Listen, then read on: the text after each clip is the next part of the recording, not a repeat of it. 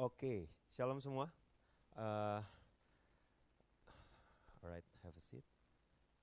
Sebelum kita mulai ada ada ada again uh, satu ini masuk bulan April tapi masih ada satu pengumuman yaitu uh, care funding untuk teman-teman di GBI PIPA masih ada ada lima anak yang terakhir uh, if I'm not mistaken tiga udah ada orang tua asuhnya menyisakan dua lagi jadi uh, kita masih ngumpulin uh, semua care funding ini masih kita berikan sepenuhnya ke GBI PIPA untuk anak-anak yang berprestasi yang kebetulan mereka nggak punya uang untuk bayar uang sekolah mereka sebesar 300 ribu rupiah per bulan per anak.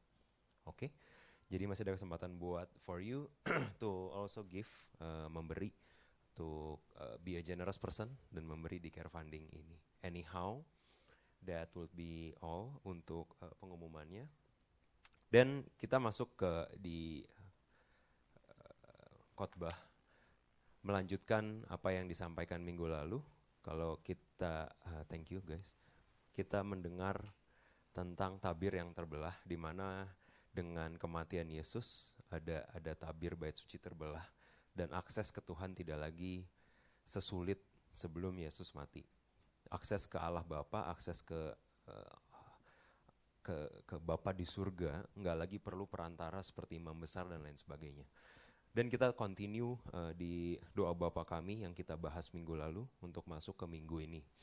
Uh, bagian kedua dari doa Bapa kami. But before we start, let's pray. Mari kita berdoa. Bapak kami berdoa Tuhan, uh, Kau yang bekerja, Kau yang berbicara melalui penyampaian firman hari ini biar apa yang kami uh, lakukan, apa yang kami dengar bisa kami act upon, bisa kami kerjakan, bisa kami praktekkan exactly the way you want it, the, you, the way you want us to be, to do dengan kehidupan berdoa kami, kehidupan doa kami, kehidupan puasa kami, kami lakukan dengan benar seperti apa yang kau ajarkan. Kau yang berbicara sepenuhnya melalui lidah bibir hambamu, biar setiap firman yang hari ini disampaikan menjadi rema bagi setiap kami. Terima kasih Bapa dalam nama Yesus kami berdoa. Amin. Alright. Oke, okay, kita lanjutkan Thornvale, uh, tabir yang terbelah. Minggu lalu kita udah udah dengar sebagian awal uh, of the first part about do, tentang doa Bapa kami. Bagian pertama dari doa Bapa kami. Hari ini kita masuk ke bagian kedua. As you know, doa Bapa kami uh, di sebelah kiri itu dibilang bahwa di Matius 6 ayat 9 sampai 13 disebut bagaimana ketika ada orang orang murid-murid bertanya sama Tuhan, Tuhan gimana caranya supaya kita berdoa? Konteks di zaman itu doa itu panjang dan beda-beda. Ada doa si A, ada doa Rabi B, ada doa dari imamat, ada doa dari bilangan dan lain sebagainya. Dan dan doa itu doa di zaman itu biasanya panjang-panjang, bertele-tele dan lain sebagainya. Hence, ketika ditanya e, Tuhan gimana seharusnya kita berdoa? Dan apabila kamu berdoa, jangan berdoa seperti orang munafik yang mengucapkan doanya berdiri di rumah ibadat dan tikungan-tikungan jalan supaya dilihat orang, kata Yesus. Ayat, ayat berikutnya, aku berkata kepadamu sesungguhnya mereka sudah mendapat upahnya. Ayat ke-6, tetapi jika engkau berdoa, masuk ke dalam kamarmu, tutup pintu dan berdoa kepada Bapamu yang ada di tempat tersembunyi. Maka Bapamu yang melihat yang tersembunyi akan membalasnya kepadamu. Tuhan lagi bilang, hey, ketika kamu berdoa, it it has to be personal. Masuk it's personal between you and God. Masuk ke tempat ke ruang doa masuk ke ruang yang tersembunyi dan berdoa di sana right? It's one on one between between kamu between kita sama Tuhan. Tapi yang lucu di ayat-ayat berikutnya di ayat 9 dan seterusnya seperti yang kita tahu Bapak kami yang di surga aneh kan Dikuduskanlah namamu, datang kerajaanmu, jadi kehendakmu di bumi seperti di surga. Berikanlah kami pada hari ini makanan kami yang secukupnya. Dan ampunilah kami akan kesalahan kami seperti kami juga mengampuni orang yang bersalah kepada kami. Dan janganlah membawa kami ke dalam pencobaan tetapi lepaskanlah kami daripada yang jahat. Tunggu, tunggu. Tadi di ayat yang tadi yang masuk ke kamar doa berapa orang? Berapa? Satu, jika kamu berdoa masuk ke kamarmu, tutup pintu. Berapa orang? Satu. Di doa Bapak kami, di doa Bapak kami, kami itu satu orang atau lebih dari satu orang? Lebih dari satu, karena doa kita never man untuk mendoakan diri sendiri. Halo. Karena semua doa kita, waktu kita berdoa yang Tuhan ajarkan, hey kamu juga harus berdoa untuk orang lain. Right? Kenapa nggak berikan saya hari ini makanan saya yang secukupnya? It's personal, right? Ini kan saya dan Tuhan. Kenapa semua kami, kami, kami? Karena kalau kita lihat pesan Tuhan yang utama, ketika ada orang lain yang bertanya, ketika di ayat di pasal berikutnya, beberapa pasal setelahnya ada yang bertanya, Tuhan apa hukum terutama yang ada di uh, perjanjian lama? Apa hukum terutama yang ada di Tanakh? Tan Tanakh itu Taurat, Nephilim, and Ketubim. It's the Old Testament. Apa hukum pertama yang ada di perjanjian lama yang begitu banyak? Kata kata Yesus, kasihi Tuhan Allahmu dengan segenap hatimu, segenap jiwamu, segenap pikiranmu. Ini yang terutama. Yang kedua yang seperti yang terutama, jadi sama-sama terutama adalah kasihilah sesamamu manusia seperti dirimu sendiri. On these two commandments depend all the law and the prophets. Semua perjanjian lama itu prioritasnya atau fondasinya ada di dua ini. Kasihi Tuhan Allahmu dengan segenap hatimu dan kasih sesamamu manusia. Dan kalau kita refleksikan ini ke doa Bapa kami, kelihatan nggak? Kasihi Tuhan Allahmu dengan segenap hatimu, dengan segenap jiwamu, dan dengan segenap akal budimu. Dan minggu lalu kita belajar bahwa di bagian pertama dari doa Bapa kami, ini semua tentang mengasihi Tuhan. Bahwa yang harus terjadi adalah kehendak Tuhan dan bukan kehendak saya. Bahwa yang punya kerajaan adalah Tuhan dan bukan saya. Bahwa yang namanya reputasinya harus semakin kudus dan semakin besar adalah Tuhan dan bukan saya. Lihat ya, ada ada paralel di sini. Kasihi Tuhan Allah dan di awal doa Bapa kami dibilang dikuduskanlah namamu, datanglah kerajaanmu, jadilah kehendakmu sebagai aplikasi dari mengasihi Tuhan dengan segenap hati, jiwa, dan akal budi. Di second part, kita berpikir, oh udah dong, udah doa memuliakan Tuhan, saatnya meminta untuk diri sendiri. Or so we thought selama ini. Tapi yang disebut adalah us, us, our, us, and us. Kami, kami, kami, kami. Jadi dibilang dan hukum yang kedua adalah kasihi sesamamu seperti what if Tuhan lagi open the biggest insights, the biggest message yang dia punya bahwa ketika kita berdoa eh ini nempel loh, kasihi sesamamu manusia karena mungkin hari ini rotimu udah cukup. Tapi teman kamu ada yang kamu tahu masih kesulitan bayar listrik, bayar kuliah. Halo. Right. Karena the, this prayer, doa ini nggak pernah meant for yourself. Waktu kita berdoa, berikan kami pada hari ini makanan kami yang secukupnya. Dan kamu mulai ingat, oh iya ada teman home saya, ada teman komunitas saya yang actually lagi kesulitan. Yang saya nggak tahu apakah dia bakal punya makanan atau enggak. Oke, konteksnya mungkin nggak sampai makanan. Saya nggak tahu dia udah bisa bayar kosnya apa belum. Dia udah bisa bayar hutang keluarganya atau belum? Halo. Karena waktu kita berdoa berikan kami hari kita lagi, hey, it's not about you, it's about the church as a body of Christ. Nangkap? Makanya dibilang setelahnya, dan ampuni kami akan kesalahan kami seperti kami mengampuni orang yang bersalah kepada kami. Ini juga lagi bilang, hey, bagian kita adalah melepas forgiveness kepada orang-orang di sekitar kita loh. Bahwa enggak, enggak, ya, ya kamu salah dan kamu perlu datang ke Tuhan dan minta ampun sama Tuhan, but ultimately kita juga punya bagian, Tuhan lagi ngajarin, it's not about yourself, kamu juga harus melepaskan pengampunan kepada orang lain. Loving your neighbor, benar? Dan yang terakhir, and lead us not into temptation, but deliver us from evil. Jangan jangan pimpin ke dalam pencobaan, tapi lepaskan daripada yang jahat. You know, mungkin hari ini kamu nggak lagi dicobai. Tapi kamu tahu teman kamu hari ini lagi mengalami proses. Di mana dia bisa bisa merespon bersyukur atau kabur dari Tuhan. Dan waktu kita berdoa doa-doa kami seperti ini, kita lagi juga berdoa buat dia loh. Tuhan lagi kasih foundation, hey, buk, mungkin kamu gak lagi dalam temptation, tapi teman kamu, pacar kamu, sahabat kamu, teman home kamu hari ini lagi dalam temptation besar. Lagi dalam proses besar di mana dia harus merespon dengan benar. Would you pray for them? That's the message. Jadi nyambung ya hukum yang terutama sama doa Bapa kami itu actually pesannya Tuhan selalu sama. Ada yang vertikal, ada yang horizontal, right? Bener gak? Karena ada karena doanya doanya semua agama adalah vertikal. Gimana supaya Tuhan berkenan kepada saya? Ketika orang berdoa gimana caranya ya supaya Tuhan mendengar doa saya dengan kata-kata yang bagus. Kayak if you hear last week kamu lihat ada cheesy Facebook post dari saya buat Tessa kayak gimana ya caranya supaya dia bisa bales gitu kan? Gimana caranya mendapatkan hati dia? The same thing semua doa sem hampir semua agama ketika berdoa gimana caranya supaya Tuhan menjawab kebutuhan saya? While apa yang ada di sini justru kebalikan. Tuhan yang ngejar kita dan this is our response hey I love you God. It's not my kingdom it's your kingdom. It's not my will it's your will. It's not my name and my reputation it's your name and your reputation Amin. And the second part, selalu ada second part. Selalu ada second part ketika Yesus ngomong. As, as kami, kami. Hey, nggak ada kasih yang lebih besar daripada seseorang yang mati buat sahabatnya. Kata Yesus gitu kan, ketika di perjamuan, ketika dia di saat-saat terakhir sebelum dia disalibkan. Hey, isn't the, the biggest message yang Tuhan Yesus bawa ke dunia adalah vertikal dan horizontal right? Through commandments, through Lord's Prayer, doa Bapa kami, vertikal, horizontal.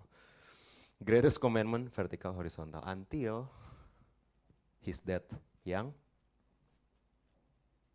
yang apa? Vertikal dan horizontal. Isn't this the perfect image ketika dia bilang, no, no, no, no, it's selalu kasihi Tuhan Allah, tapi kasih sesama manusia dikuduskanlah nama nama Tuhan, datanglah kerajaan Tuhan, jadilah kehendak Tuhan, tapi berdoa buat mereka yang dalam godaan, berdoa buat mereka yang punya kebutuhan, right? It's the perfect like the perfect revelation ketika dia mati di atas kayu salib dan bilang this is how you do it. Ampuni mereka. Masih oke? Okay?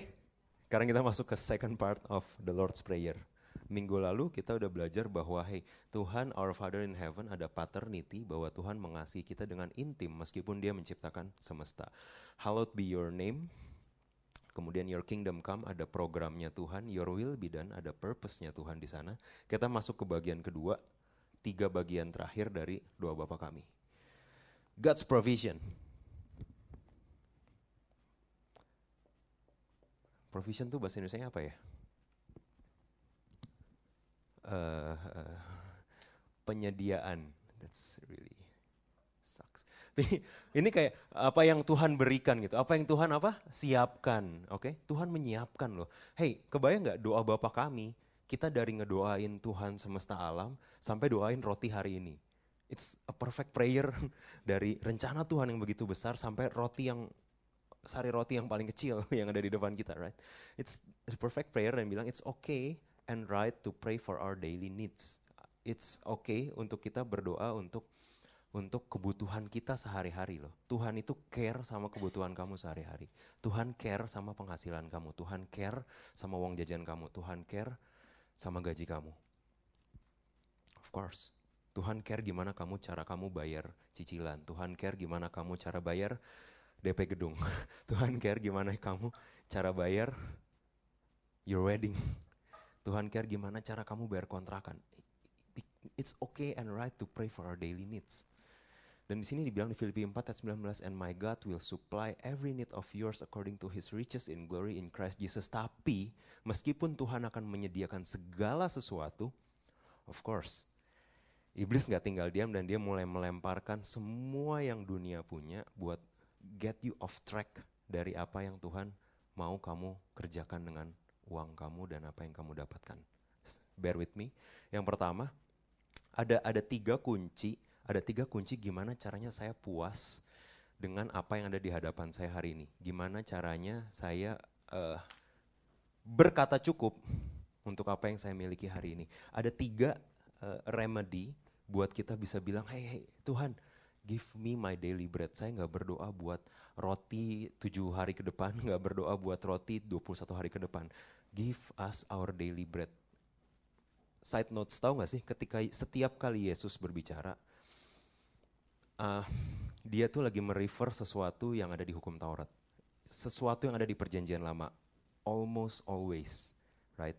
Tuhan Yesus waktu itu nggak bawa iPad, newsflash. Dia nggak punya YouVersion Bible apps, right? Dia nggak punya Korintus, why?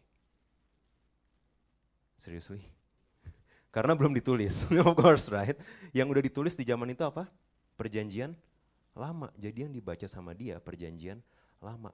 Ketika Yesus bilang, berikan kami hari ini roti secukupnya, dia lagi merefer ke kisah apa? Ribuan tahun sebelumnya di padang gurun, di mana nggak ada makanan di sana, ada janji Tuhan buat umat pilihannya. Hei, setiap hari kamu keluar dari kemah, kamu akan ketemu roti. Mana? Tapi jangan ambil kebanyakan, karena busuk besoknya. Bener? Roti sehari cukup sehari. Kecuali di hari Sabtu, ambil dua hari, karena hari sabat. Itu nggak boleh ngambil. Something like that. Tuhan lagi merefer, hey ingat-ingat 40 tahun yang eh 40 tahun Allah Bapa memberikan roti setiap hari loh. Kasut nggak ada yang rusak setiap hari, bukankah terlebih lagi kita hari ini? Dia lagi bilang, hey, nggak perlu mikir Tuhan berikan saya aset 40 tahun ke depan sampai saya masuk tanah perjanjian gitu kan kira-kira doanya Musa. No. Tuhan lagi bilang berikan hari ini makanan yang secukupnya. Dia lagi bilang perlu bergantung sama Tuhan. Dan apa yang lagi dikatakan di sini buat yang nggak kelihatan ada ada tiga tiga masalah besar yang saya lihat uh, mulai nge us mem membawa kita keluar dari seharusnya kita bisa berkata cukup sehari demi sehari. Ada tiga masalah besar, ada tiga masalah yang membawa kita keluar dari berkata cukup dengan apa yang kita punya. Yang pertama adalah comparison, membandingkan uh, membandingkan diri sama orang lain. Yang kedua spending. Comparison di sini ditulis comparison kills generosity and joy. Saya akan uh, sampaikan why. Manage spending, lifestyle chokes out purpose and ministry. Gaya hidup mencekik kemampuan kamu untuk menjadi jawaban doa buat orang lain. I'll tell you why. Ketiga, resist accumulation. All temporary things are, well, temporary. Ketiga adalah resist accumulation. Ada accumulation, ada spending, ada comparison. Satu-satu. Oke, okay, mungkin nggak semuanya sampai deep, tapi let me uh, stick with me to explain kenapa kayaknya berapapun uang jajan kita, berapapun gaji kita, rasanya enggak Cukup. Wah, banyak yang bisa relate kayaknya. Oke? Okay? Why? Let's start. Anggaplah uh, ada dua orang, oke? Okay? Ada dua orang. Ini contoh, just just contoh. In general di Jakarta seorang lulusan sarjana S1 ketika bekerja atau dia uh, omset punya omset dari tempat dari bisnis katakanlah katakan uh, penghasilannya say 5 juta dan beberapa dari kamu, oh gua kok masih jauh dari itu, tenang, tenang. Ini contoh, oke, okay? contoh. Katakan penghasilan 5 juta, oke, okay? per bulan. Yang udah kerja ya. Atau kalau kamu kuliah, katakan 500 ribu untuk uang ini itu di luar uang makan. 5 juta, oke. Okay? Sama-sama uh, kamu punya uang 5 juta. Dan kamu tahu nih, dengan semua yang dulu udah disampaikan teman kita Yones dan semua financial planning yang dulu ada di Starlight dan semua yang kamu baca artikel-artikel kamu tahu nih dari dari segini ini ada bagian-bagiannya right pertama ada perpuluhan betul 500 ribu bukan, bukan rupiah ya 500 kemudian ada makan bener gak meals sama minum makan minum katakanlah sehari 50 ribu it's very very it's not something that's Instagramable lah, 50 ribu tiga kali makan gitu. Itu nggak ada yang bisa di Instagramin, malu. Ini mau difoto, mahalan mahalan paket datanya ya daripada makanannya gitu. Ya. Katakan makan sehari 50 ribu, times 30, right? 1 juta 500. Betul? Kemudian katakanlah kamu transport, karena kamu naik gojek or other ojol, ke naik tra transport setiap hari dong. On weekend kamu kalau pulang malam dari home dan lain sebagainya nggak mau naik gojek dan naik uh, online taxi dan lain sebagainya mungkin lebih mahal. Say sebulan 500 atau kalau kamu isi bensin dan lain sebagainya. Maintenance termasuk service dan lain-lain. Dan kamu tahu nih, oh saya udah diajarin harus ada saving and investment dan kamu mulai saving kalau kamu kayak saya di 2009 waktu saya mulai kerja. Saya kerja 2009. It's a long time ago. Itu ada ada saving slash investment yang udah masuk aja buat insurance dan lain-lain. Ya kan? Wah ini uh, saving and investment pas mulai kerja. Itu biasanya kalau insurance-nya katakan pet uh, company tertentu, biasanya dia dibagikan. Ada yang buat insurance, ada yang buat investment, something like that. Katakanlah satu juta sebulan, oke? Okay? Dan sisanya kamu masih punya berapa? Satu setengah kan? ETC dan lain-lain ini. Yang kamu pakai buat kadang bantu orang tua, gift, kadang care funding, betul, gift, kadang of course H&M, fine, kadang A Quiet Place, which is which was a great movie, entertainment, buat nonton, buat whatever. Dan ada kamu say ada books karena kamu tahu nih, uh, misal it's brilliant kalau kamu invest in yourself like books or courses, right? Karena kamu akan mulai ngerasain bedanya kamu dan teman kerja kamu di kantor adalah how you spend your time. Then you know, oh perlu ada buku dan perlu ada courses di sana dari dari angka segini, dari angka seribu satu juta lima ratus per bulan, right? This is how the ideal expected world, betul? Dan ini ada buat nabung dan buat ini buat nabung. Ya oke okay, menikah mungkin five years down the line ini mungkin bakal cukup compoundingnya buat nikah dan lain sebagainya. So you live your life like this. Benar? Oke. Okay. Ini totalnya berapa? 5 juta ya. Oke. Okay. Now say you meet your friend, your close friends, yang mereka juga katakanlah sama loh. Sama. 5 juta penghasilannya per bulan. Tapi mereka habisnya buat apa? Pertama, bayar cicilan kredit card dua setengah juta. Why? Because of course they use the latest iPhone dan mereka sering traveling. Inilah namanya nih. Misal cicilan dan lain sebagainya. Bisa cicilan loh. Ini dua-duanya bisa cicilan, bener? Ini bisa cicilan kan? Jadi ya mungkin totalnya segini gitu, right? Cicilan buat cicilan. Terus buat makan dong, right? Dan kamu mulai scroll scroll Instagramnya, kok ngepostnya kayak sehari dua kali gitu ya. Percayalah, budget segini nggak ada yang bisa dipost di Instagram, right? To post, yeah, you need like mungkin almost dua kali lipat, benar? Dua setengah tuh kayak berapa ya sebulan nih? Berapa? 80 ribu mungkin weekdays Indomie, weekend like pick gitu kan. Yang penting foto, right? Contoh. Terus transport of course karena ini nggak ada yang lihat dan nggak di post ya udahlah naik gojek nggak apa-apa lah, nggak perlu keren-keren amat. Transport. Dan ada uang fun. Ini contoh ya, uang funnya kok bisa bisa empat, say hampir empat setengah gitu setiap bulan. Kayak, is this guy uangnya nggak terbatas gitu. Empat setengah itu setiap ketemu dia, setiap ketemu dia bajunya nggak pernah sama men, nggak pernah. It's like dia burn semua baju dia habis dipakai, bakar gitu. Clothing habis buat apa? Of course, apa? And Terus habis buat apa lagi?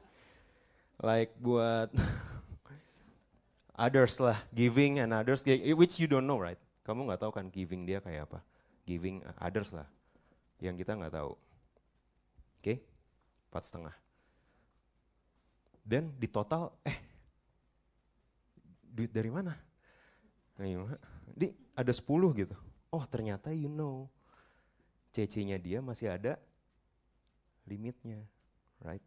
Karena ditambah sama salary, on top of salary yang tadi sama, dia masih punya limit buat dipakai buat other things. now.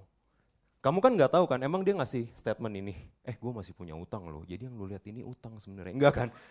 Nggak ada teman yang kayak gitu, right? Come on, nggak ada kan? Yang kamu lihat apa? Posting.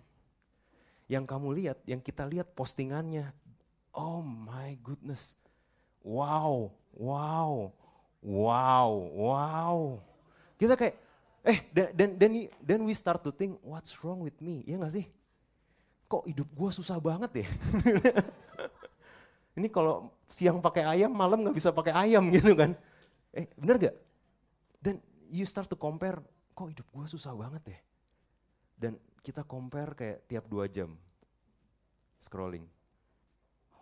What is wrong with me? Why why am I so broke?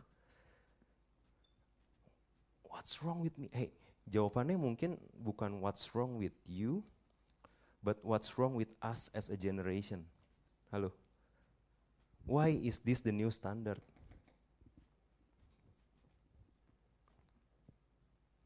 ada waktu-waktu di mana untuk bisa jalan-jalan itu kayak perlu nyicil 2-3 bulan gitu, kumpulin dulu gitu, baru jalan-jalan.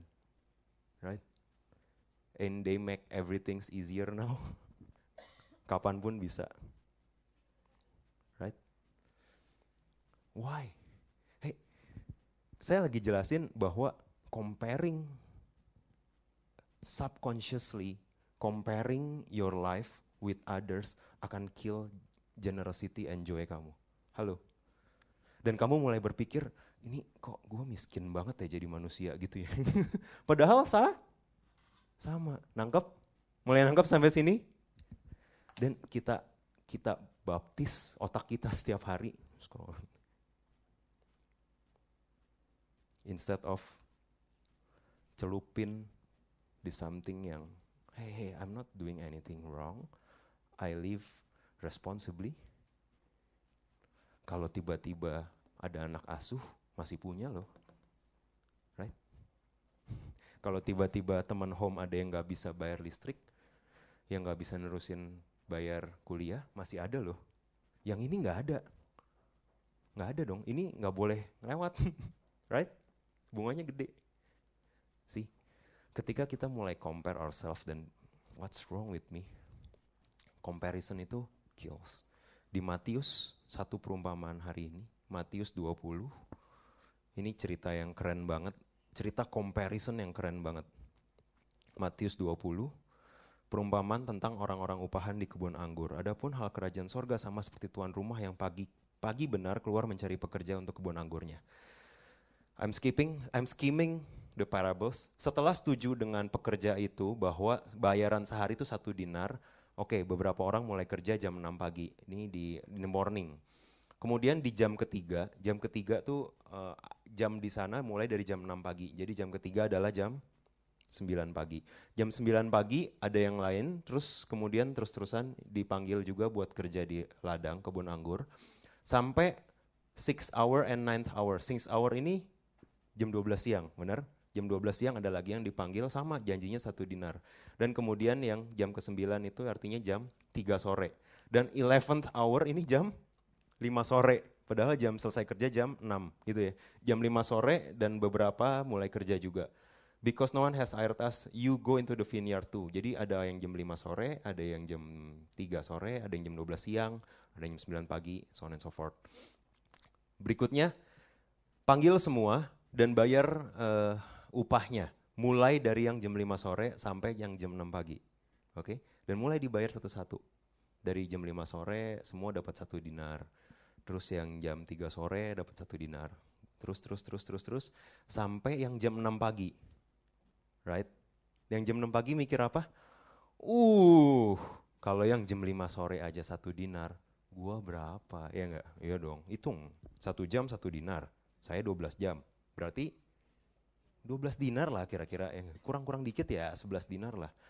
Dan mereka menerima satu dinar. Dan mereka mulai marah-marah. Ini yang datang jam 5, bayarannya sama sama yang pagi. Gini bos Q caranya. right? Kayak dan dan ayat 13 nih, ayat 13 bilang kayak gini. Tetapi Tuhan itu menjawab seorang dari mereka, Saudara, aku tidak berlaku tidak adil terhadap engkau. Bukankah kita telah sepakat sedinar sehari? Ambil bagianmu dan pergi, aku mau memberikan kepada orang yang masuk terakhir sama seperti kepadamu. Ayat 15. Tidakkah aku bebas mempergunakan milikku menurut kehendak hatiku? Atau iri hatikah engkau karena aku murah hati? Atau iri hatikah engkau karena aku murah hati? Demikian orang yang terakhir akan menjadi yang terdahulu dan yang terdahulu akan menjadi yang terakhir.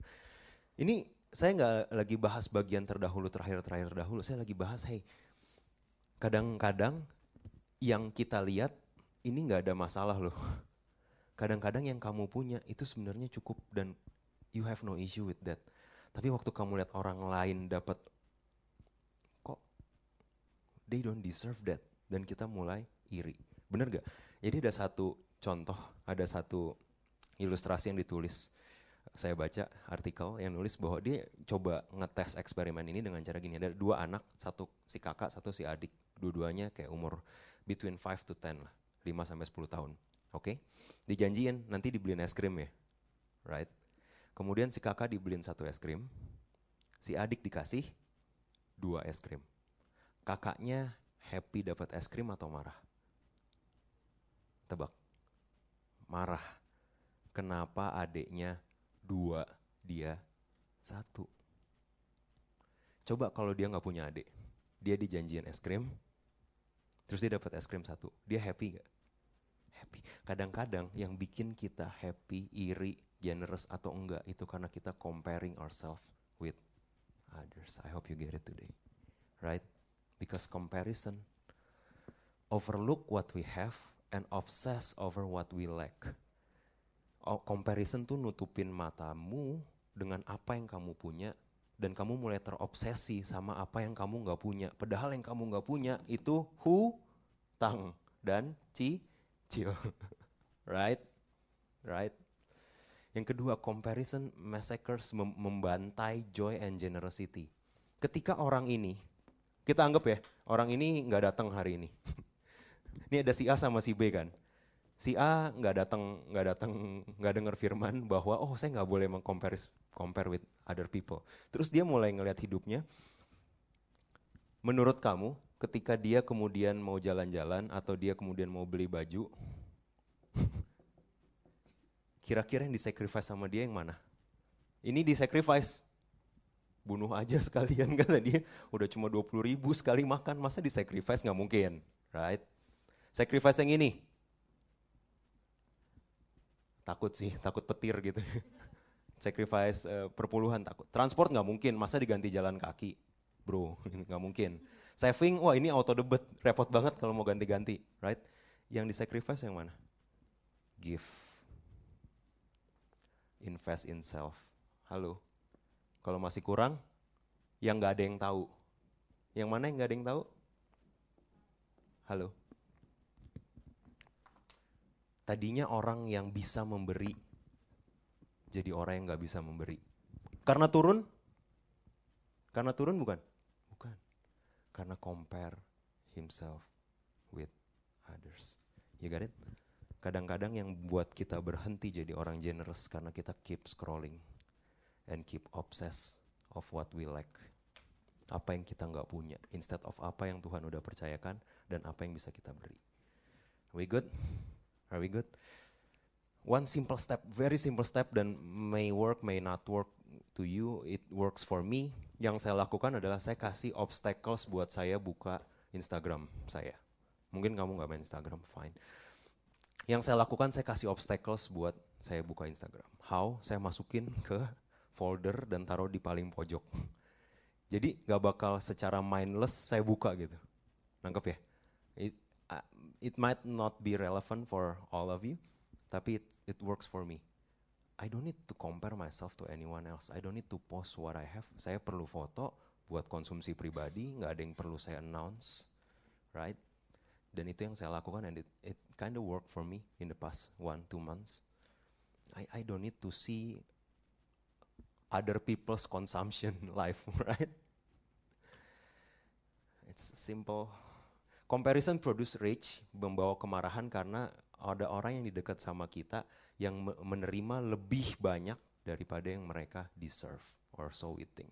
Jadi gimana caranya supaya kita bisa membantai comparison dan punya rasa cukup? How? 1 Timotius 6 ayat 18 sampai 19 bilang ada satu remedy, ada satu cara buat kamu bisa bukan cepat puas again ini a different different message altogether bukan cepat puas sama yang bisa kamu capai tapi berkata cukup buat apa yang kamu punya. 1 Timotius 6 ayat 18 sampai 19 bilang serving and sharing are remedies to love of money. They are doing they they are to do good. Ini ini buat orang-orang kaya yang ada di situ ditulis sama Paulus. Mereka harus melakukan pekerjaan baik menjadi kaya dalam melakukan pekerjaan baik menjadi murah hati dan siap membagi. Thus storing up treasure for themselves as a good foundation for the future, so that they might take hold of that which is truly life. Si Paulus lagi bilang, untuk setiap angka yang kamu berikan di sini, ini dicatat di surga. Untuk setiap angka yang kamu sacrifice not for your interest, but for others, kamu lagi nyimpen loh.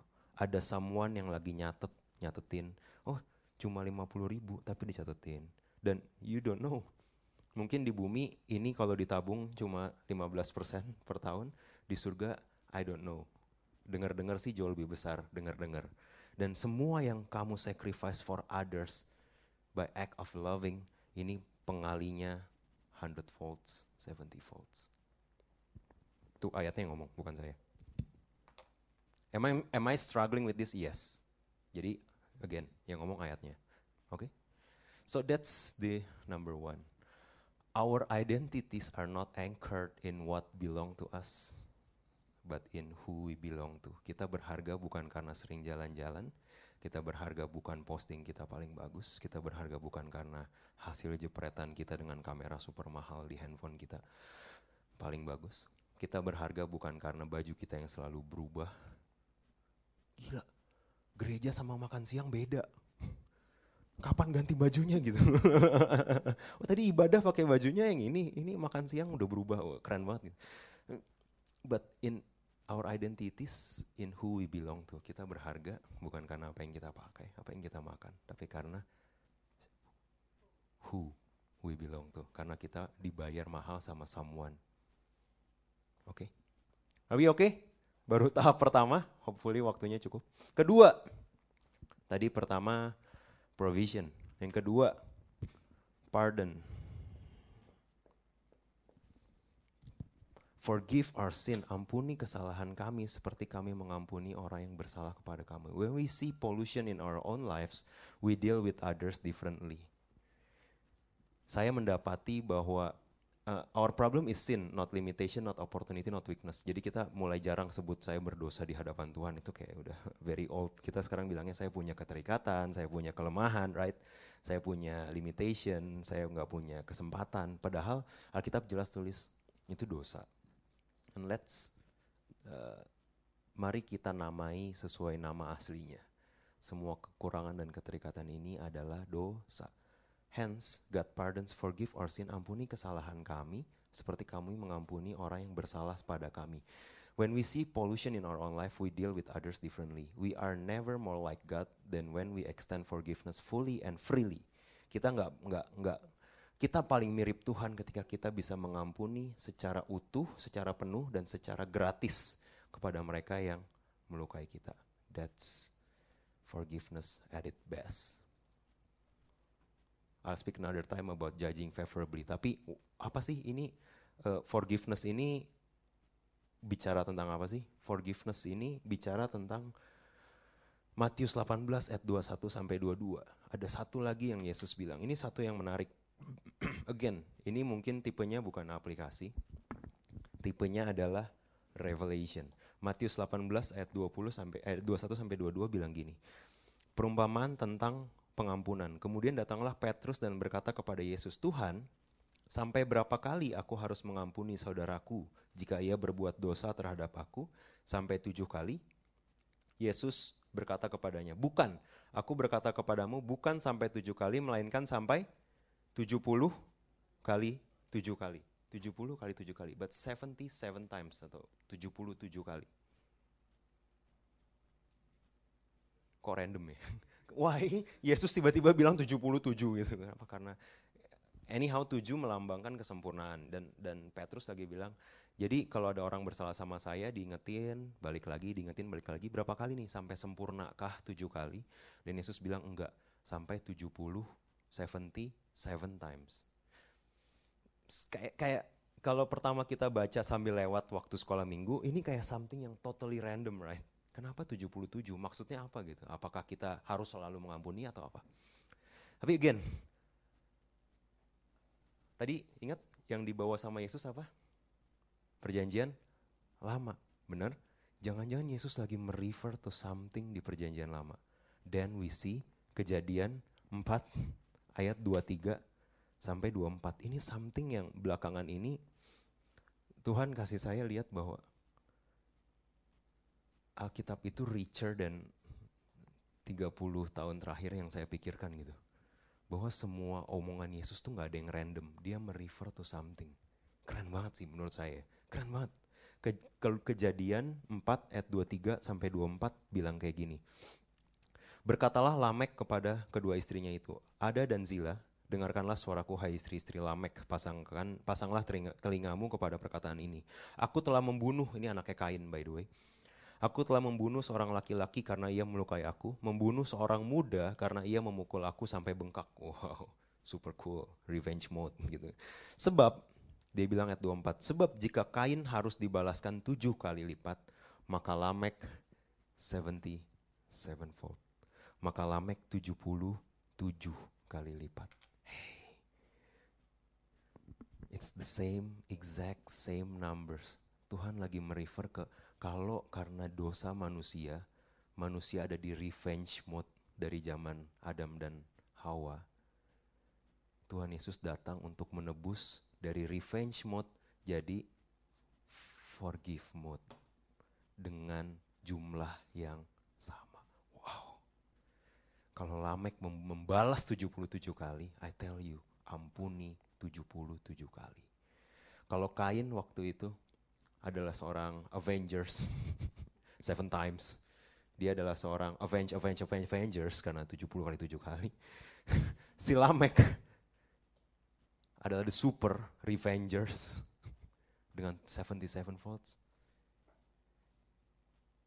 Sama seperti Yesus, ampuni 70 kali 7 kali. How?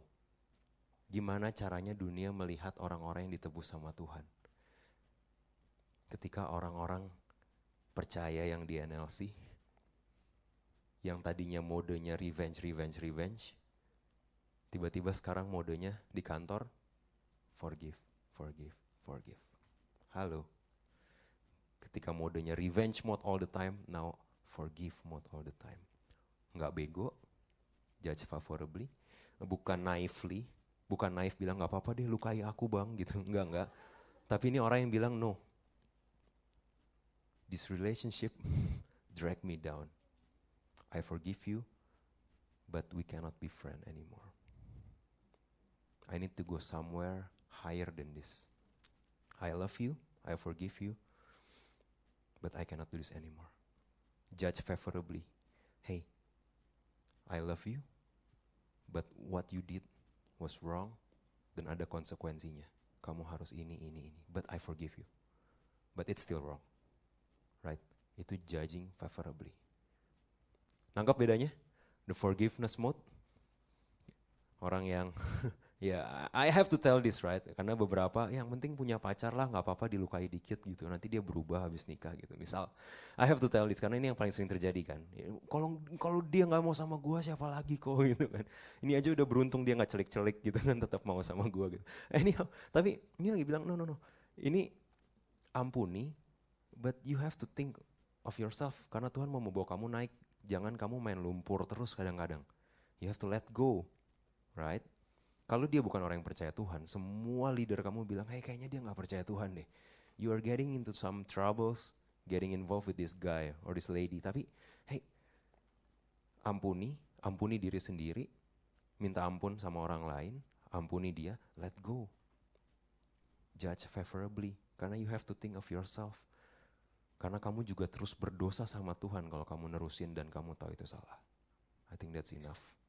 I hope we can think about it. Forgiveness test. Ini satu aplikasi lagi, aplikasi sederhana. Bagaimana caranya tahu any of us pernah berurusan sama someone yang kamu nonton eh, anyone nonton Civil War entah kenapa saya ingat banget di Civil War itu si Bucky si Winter Soldier right? Ke setiap kali dia disebut satu kalimat tertentu bener gak dia jadi jahat right? Dia jadi ngebunuh Howard Stark gitu bapaknya Tony Stark. Wah whatever. Tapi kayak setiap kali ada satu kata ini muncul tiba-tiba dia jadi jahat. Forgiveness is like that something like that. Apakah ada nama-nama orang di hidup kamu God help me nggak sebut nama mantan anyone yang ada di sini. Tapi setiap kali nama mantan kamu kesebut tuh Bucky Mode gitu, Winter Soldier gitu. Pelayanan-pelayanan tuh orang, wah tetap muncul semua luka gitu ya, keluar lagi, right? Revenge. Jadi forgiveness, apakah kita sudah truly forgive someone or not? Itu ada beberapa tesnya. Ini yang saya temukan, lumayan menarik. Just take it home as aplikasi buat kamu apakah saya truly sudah forgive my ex, truly forgive my dad, truly forgive my mom, truly forgive my brother, truly forgive my leader, right? This is the test. Pertama revenge test. Kalau ada kesempatan balas, balas apa enggak? I forgive you, tapi tunggu besok kalau lu yang lagi butuh. right? Revenge test yang pertama. Do you still want to hurt them?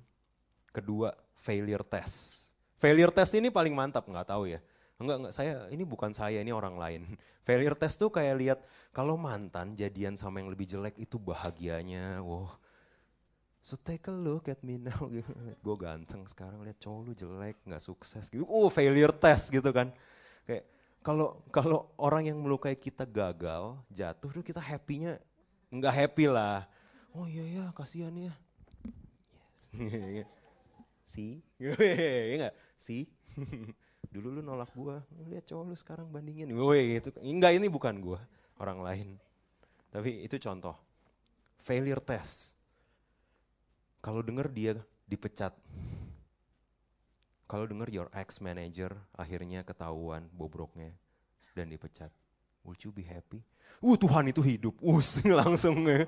Wah Tuhan hidup men, Tuhan adil. Lihat dia dipecat sekarang, wah gitu. Saya forgive, tapi Tuhan adil. Do you really forgive kalau kita punya sikap kayak gitu or not? Anggap. Ketiga, first thought test. What is your first thought about them? Ketika namanya muncul somewhere, apa yang kita ingat? Netral? Eh iya ya dia apa kabar ya? Udah lama ya gak berdoa buat dia. It is forgive fully and freely. First thought. Apa dia mau balik NLC? Oke, gue yang pindah. Kalau dia balik, gue pergi. First thought.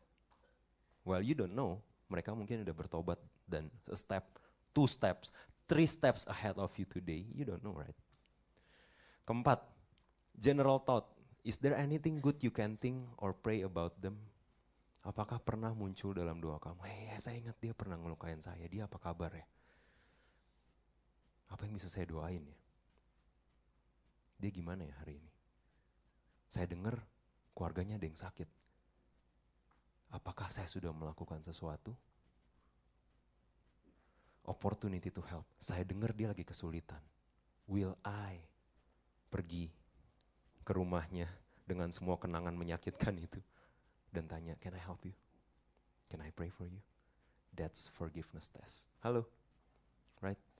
We truly give forgiveness fully and freely ketika kita udah pas semua test ini. Ketika dengar namanya, yeah, I know that guy. Iya yeah, dia do something wrong, but I hope he is in a better place now. Uh, di surga udah mati gitu enggak. I hope dia udah promosi ke tempat yang lebih baik sekarang dan lain sebagainya. Right? Nangkep lah ya tapi it's forgiveness test. So apply this to your life today buat orang yang kamu perlu ampuni hari ini. Sudahkah diampuni atau belum? Apalagi I, I pray some of you, benar-benar kamu tahu dia lagi kesulitan gitu. Lo pikir gue siapa gitu. Kalau lo yang butuh, lo yang WA. Gitu. Biasanya, biasanya. Itu forgiveness test. Are we good? To sin is human, to forgive is divine. Perlu keilahian buat orang bilang, eh saya tahu kamu punya utang. I forgive fully and freely. Perlu something divine buat seorang bisa mengampuni orang lain. Halo? Are we good? Masuk ke bagian terakhir. Temptation. Yang terakhir adalah don't lead us. Jangan tuntun dalam pencobaan tapi lepaskan daripada yang jahat. It's a pray of protection. Berdoa untuk proteksi atau untuk penyertaan dari Tuhan. Ini lagi bilang don't lead us into temptation. Jadi di di 1 Yohanes 1 Yohanes 6 if I'm not mistaken. 1 Yohanes 2 ayat 15 sampai 17 bilang, "Jangan kamu mengasihi dunia dan apa yang ada di dalamnya. Jikalau orang mengasihi dunia, maka kasih Bapa tidak akan tidak ada dalam orang itu. Sebab semua yang ada di dalam dunia yaitu keinginan daging, keinginan mata, lust of the eyes, dan keangkuhan hidup, pride of life." Di 1 Yohanes 2 ayat 15 sampai 17 dibilang ada tiga temptation. Pertama apa? Keinginan daging, Kedua keinginan mata, ketiga keangkuhan hidup bukan berasal dari Bapa melainkan dari dunia. Dan dunia ini sedang lenyap dengan keinginannya tetapi orang yang melakukan kehendak Allah tetap hidup selama-lamanya. Ini lagi bilang, hey, lust of the flesh, food, sex, thrills. Thrills ini anything, dari obat sampai alkohol, whatever. Yang bikin badan kamu itu response. It's lust of the flesh, keinginan daging. Lust of the eyes, baju, jubah yang indah, money, entertainment, semua yang menyenangkan your soul. Yang ketiga adalah pride of life, keangkuhan hidup, recognition, power. Ini apa sih? Gak kebaca. Something lah di situ. Anyhow, ada keangkuhan hidup, lust of eyes, ada ada keinginan mata, keinginan daging dan keangkuhan hidup. Ini lagi bilang, hey, temptation bisa datang dalam bentuk tubuh, jiwa, dan roh. Oke, okay? yang bisa diserang, yang bisa digoda itu bisa tubuh, bisa jiwa, bisa roh. That's why ketika Tuhan dicobai berapa kali? Yang pertama apa? Roti, which keinginan daging. Yang kedua, lihat lah. Yang ketiga, sembah aku, maka semuanya akan kuberikan. It's, jatuhkan dirimu dan kamu akan melihat malaikat menopangmu. Eyes. You'll see the perfect protection. Your soul is safe. Yang ketiga, lihat semua ini dan akan kuberikan. Semuanya akan kuberikan. Recognition dari para malaikat, semua yang kamu lihat dengan matamu, batu jadi roti. Hey, it's a perfect temptation and perfect overcome dari Yesus. Halo, it's a perfect overcome. Tiga-tiganya dia say no, no, no. Yakobus 1 ayat 14 sampai 15 bilang, but each person is tempted. Setiap kita itu digodai loh. Nggak ada someone di sini yang bebas godaan. I'm temptation free person karena saya cinta Tuhan. No, no. Justru tambah gede temptationnya. Lihat semua artis rohani hari ini. Lihat semua celebrate celebration celebrity pastors and celebrity celebrity pastors out there, right? A lot of temptations, a lot of temptations. Dan bilang, but each person is tempted when he is lured and enticed by his own desire sama keinginannya sendiri. Ketika keinginan ini dibuahi ada dosa dan ketika dosa ini tumbuh jadi maut. Ini lagi dibilang, hey, temptation is berdoa untuk untuk kita nggak digodai itu mesti setiap hari loh. Yesus lagi ngajarin doa tiap hari supaya kamu bisa menang dari godaan because will power nggak cukup. Karena ke, kegigihan, keinginan diri sendiri, ke, ke apa namanya? Komitmen untuk tidak berdosa itu nggak cukup. You need God. FYI. Makanya dia bilang, every day don't lead us into temptation bukan berarti Tuhan dengan sengaja lead us, tapi kita lagi bilang cuma engkau yang bisa tarik aku keluar dari temptation. Not myself, not my willpower, not my understanding. Cuma Tuhan. Bukti. Again, saya saya suka banget ketika lihat bahwa semua yang di Alkitab ini ternyata nyambung dari kejadian sampai wahyu. As we can see, apa yang dibilang sama ya this temptation ini ada dari zaman dulu dan siapa pun bisa kena. Bahkan orang yang berjalan bersama Tuhan, right? Si Adam tuh bahkan nggak nggak kenal Lucinta Luna, sorry. Dia nggak kenal semua godaan yang ada di dunia gitu. Dia nggak kenal semua artis, dia nggak kenal semua. Dia nggak punya akses terhadap website, web porn web, dia nggak punya akses terhadap apa pun, dia cuma punya istri yang sah sama Tuhan, but still bisa dia lihat temptation, dia take dan dia jatuh. Right? Oh, tapi jangan-jangan ada similar pattern throughout the Bible. Ada seorang yang dijanjikan Tuhan keturunanmu akan banyak, tapi saya udah tuh, wah, mana mungkin punya anak? Siapa namanya? Abraham. Oh ini ada ada ini nih, eksotis. Dari Mesir, mirip Cleopatra, namanya Hagar. Daripada nunggu janji Tuhan might as well take. Dan apa yang terjadi? You know the rest of the story today. Apa yang terjadi sama keturunan Ismail dan lain sebagainya. Next, ada seorang yang bilang, eh hmm, Tuhan gak kelihatan, bangsa ini resah. Gimana kalau semua hal baik kita lebur. Eh sorry, ini akon. Eh ini bener. Gimana kalau semua hal baik, logam yang paling mulia kita lebur, kita jadikan satu patung buat disembah. Take temptation, jatuh. Akon ngelihat harta orang kanaan udah dibilang, bunuh bangsa itu, tanahnya buat kamu tapi jangan ambil hartanya. Oh, tapi ini buat perpuluhan. Dan apa yang terjadi? Mati. Next. Apa? Semua bangsa punya raja. Kenapa orang Israel doang yang gak punya? No, kami gak mau Tuhan yang gak kelihatan, kami mau raja yang kelihatan. Apalagi yang tinggi, ganteng, kayak Sa, Saul. So they take and you know the rest of the story. Kerajaannya terpecah. Saul mati. Gak lebih keren lagi dari dari bangsa lain. Tapi untung ada penerusnya yang berkenan di hadapan Tuhan, yang temptation free, right? Or no? no. Karena eh siapa yang lagi? Man di Bathsheba, right? So he take dan kita tahu ceritanya. Keluarganya pecah dan kerajaannya nggak pernah lagi sekokoh yang dijanjikan.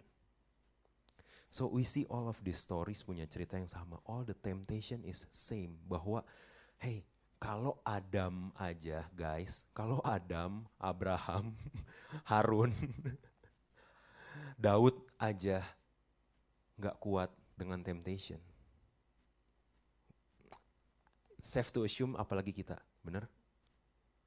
Untung ada orang yang juga mengalami temptation yang sama, yang dengan satu jentikan jari bisa, oh ini kerajaan beneran yang turun gitu kan, ini jadi kerajaanku beneran gitu, right? Dengan dengan satu firman aja dia bisa bikin semua Farisi itu whatever kerajaannya truly settles on earth, but not my desire, but your desire be done. Yang dia nggak take kesempatan buat jadi raja secara fisik, dia pilih untuk taat sama kehendak bapaknya. Dan we know. Kita menghadapi, menghadapi temptation hari ini, we are not the first one. Ada orang yang udah menghadapinya. And he prevails. Begitu juga kita bisa prevail. Tapi dia ajarin loh, hey ini ini nggak datang dengan sendirinya. Ketika contekan terbuka di sebelah kamu terus let your will be done, nyontek gitu. no, ini nggak terjadi dengan sendirinya. Orang ini berdoa setiap hari lead me not into temptation. 33 setengah tahun berdoa, ketika ada kesempatan datang dia bilang not my will, but your will be done. Are we still okay? Roma 12 ayat 1 sampai 3. Satu satu uh, satu bagian satu passage Alkitab yang super lengkap how we deal with temptation. Roma Saya akan segera selesai. Roma 12 ayat 1 sampai 3. Karena itu saudara-saudara demi kemurahan Allah aku menasihatkan kamu supaya kamu mempersembahkan tubuhmu sebagai persembahan yang hidup, yang kudus dan yang berkenan kepada Allah. Itulah ibadahmu yang sejati. Tadi yang pertama apa? Tubuh. Kedua, janganlah kamu menjadi serupa dengan dunia ini tapi berubahlah oleh pembaharuan budimu sehingga kamu dapat membedakan mana kehendak Allah, apa yang baik, yang berkenan dan apa yang sempurna. Lagi bilang your soul Mata adalah jendela dari jiwa kamu. Jadi apa yang kamu lihat tuh harus mulai ditransform supaya pikiran kamu berubah. Apa yang kamu lihat harus mulai ditransform. Biar pikiran kamu berubah. Dan kamu bisa tahu mana sih kehendak Tuhan, apa yang baik, apa yang berkenan, apa yang sempurna. Yang ketiga, Berdasarkan kasih karunia yang dianugerahkan kepadaku, aku berkata kepada setiap orang di antara kamu, jangan memikirkan hal-hal yang lebih tinggi daripada yang patut kamu pikirkan. Tapi hendaklah kamu berpikir begitu rupa, sehingga kamu menguasai diri menurut ukuran iman yang dikaruniakan Allah kepada kamu masing-masing. Keangkuhan hidup, ayat 3 bilang apa? Jangan berpikir lebih tinggi. Iya, iya, iya, kamu spesial, iya, iya. But on the other hand, kamu akan ulang tahun ke 30 something dan oh my god, gue udah tua gitu. right? Right? Every man will die, every man will return to earth dan gak ada yang kita bawa. Sebesar apa pun pencapaiannya, kita akan pulang sih. So apa sih yang bisa disombongin dari hidup ini? Dia bilang, jangan berpikir lebih tinggi dari yang harus kamu pikirkan. Saya tutup dengan ini if we are not going to be more Christ-like, more obedient, more useful in king, God's kingdom, there is no purpose we have for tomorrow. Kalau hidup kita hari-hari ini, hidup kamu hari ini dibanding versi kamu tahun lalu, bandingin diri kamu hari ini sama diri kamu tahun lalu. Kalau kamu nggak lebih Christ-like, kalau kita nggak lebih serupa Kristus, nggak lebih obedient dari versi dari dari Yoyo 2017, dari Colin 2017, Debbie 2017. Kalau versi 2017 justru lebih serupa Tuhan. Hey, there is no purpose we have for tomorrow. The only reason kita bisa punya harapan adalah karena semakin hari, enggak, enggak, enggak ada yang bakal serupa Kristus tempat ini. Every day we go through the same battles, we go through process, tapi semakin serupa Kristus, semakin taat, semakin useful in God's kingdom. That's what we aim. Amin. And to be useful, kadang-kadang kita harus rubah apa yang normal menurut dunia menjadi apa yang normal, yang logical di kerajaan Allah. Ada hal-hal, ada lifestyle-lifestyle, ada cara cara temenan, ada cara spending money, ada cara menghabiskan waktu buat hobi yang perlu kita switch, perlu kita ganti. Dan we can be more Christ-like, we can be more obedient, and we can be more useful in God's kingdom. Saya selesai. Doa Bapak kami very simple. Kita udah belajar belasan tahun doa Bapak kami dari dari dari sekolah, but we miss some of the universe things, some of the most important things yang ada di doa Bapak kami. I pray dua minggu ini, di bulan ini kita belajar doa puasa, di dua minggu ini kita belajar doa Bapa kami, apa yang kita dengar, the next time kita berdoa doa Bapa kami, you know the implication. It's not about me actually. Ya ya ya, kamu lebih sukses dibanding teman-teman kamu. Iya iya, kamu lebih achievementmu lebih banyak in general dibanding orang-orang yang kamu kenal. It's fine. But doa Bapak kami lagi ngajarin, hey, this life is not about you. Iya, proses kamu berat dan besar. Tapi doanya, mungkin jawaban doa kamu nggak terletak di Tuhan jawab doaku. Tapi Tuhan jawab doa kami. Don't lead us into temptation. Give us our daily bread. Maybe it's time waktu kita masuk ke kamar, waktu kita di gereja, di kantor berdoa pagi, it's stop praying only for me, me, me, me, me, and start praying for us, our As, as, as, kami, kami, kami. Beberapa teman, eh, you know, you know beberapa teman di sini ada yang lagi sakit, you know beberapa teman di sini yang lagi fighting against the biggest, if not the most horrendous sickness ever. Have we pray for them? di doa personal kita di rumah atau kita stuck di berkati saya di Gojek hari ini. saya berdoa buat cuaca yang baik di Gojek hari ini. Let's, let's stop.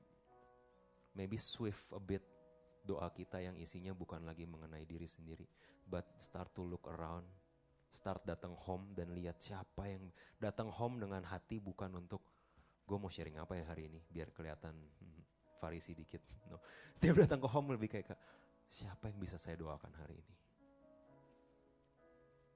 Sharing, how gimana saya bisa melayani di tempat ini? Kalau enggak saya bisa terjebak di nggak cukup, nggak cukup, nggak cukup. Remedinya adalah sharing and ministry. How can I share? How can I serve in this place? Gimana saya bisa melayani orang di tempat ini? This is how we fight the battle. This is how we fight our life to be Christ-like, more obedient and useful in God's kingdom.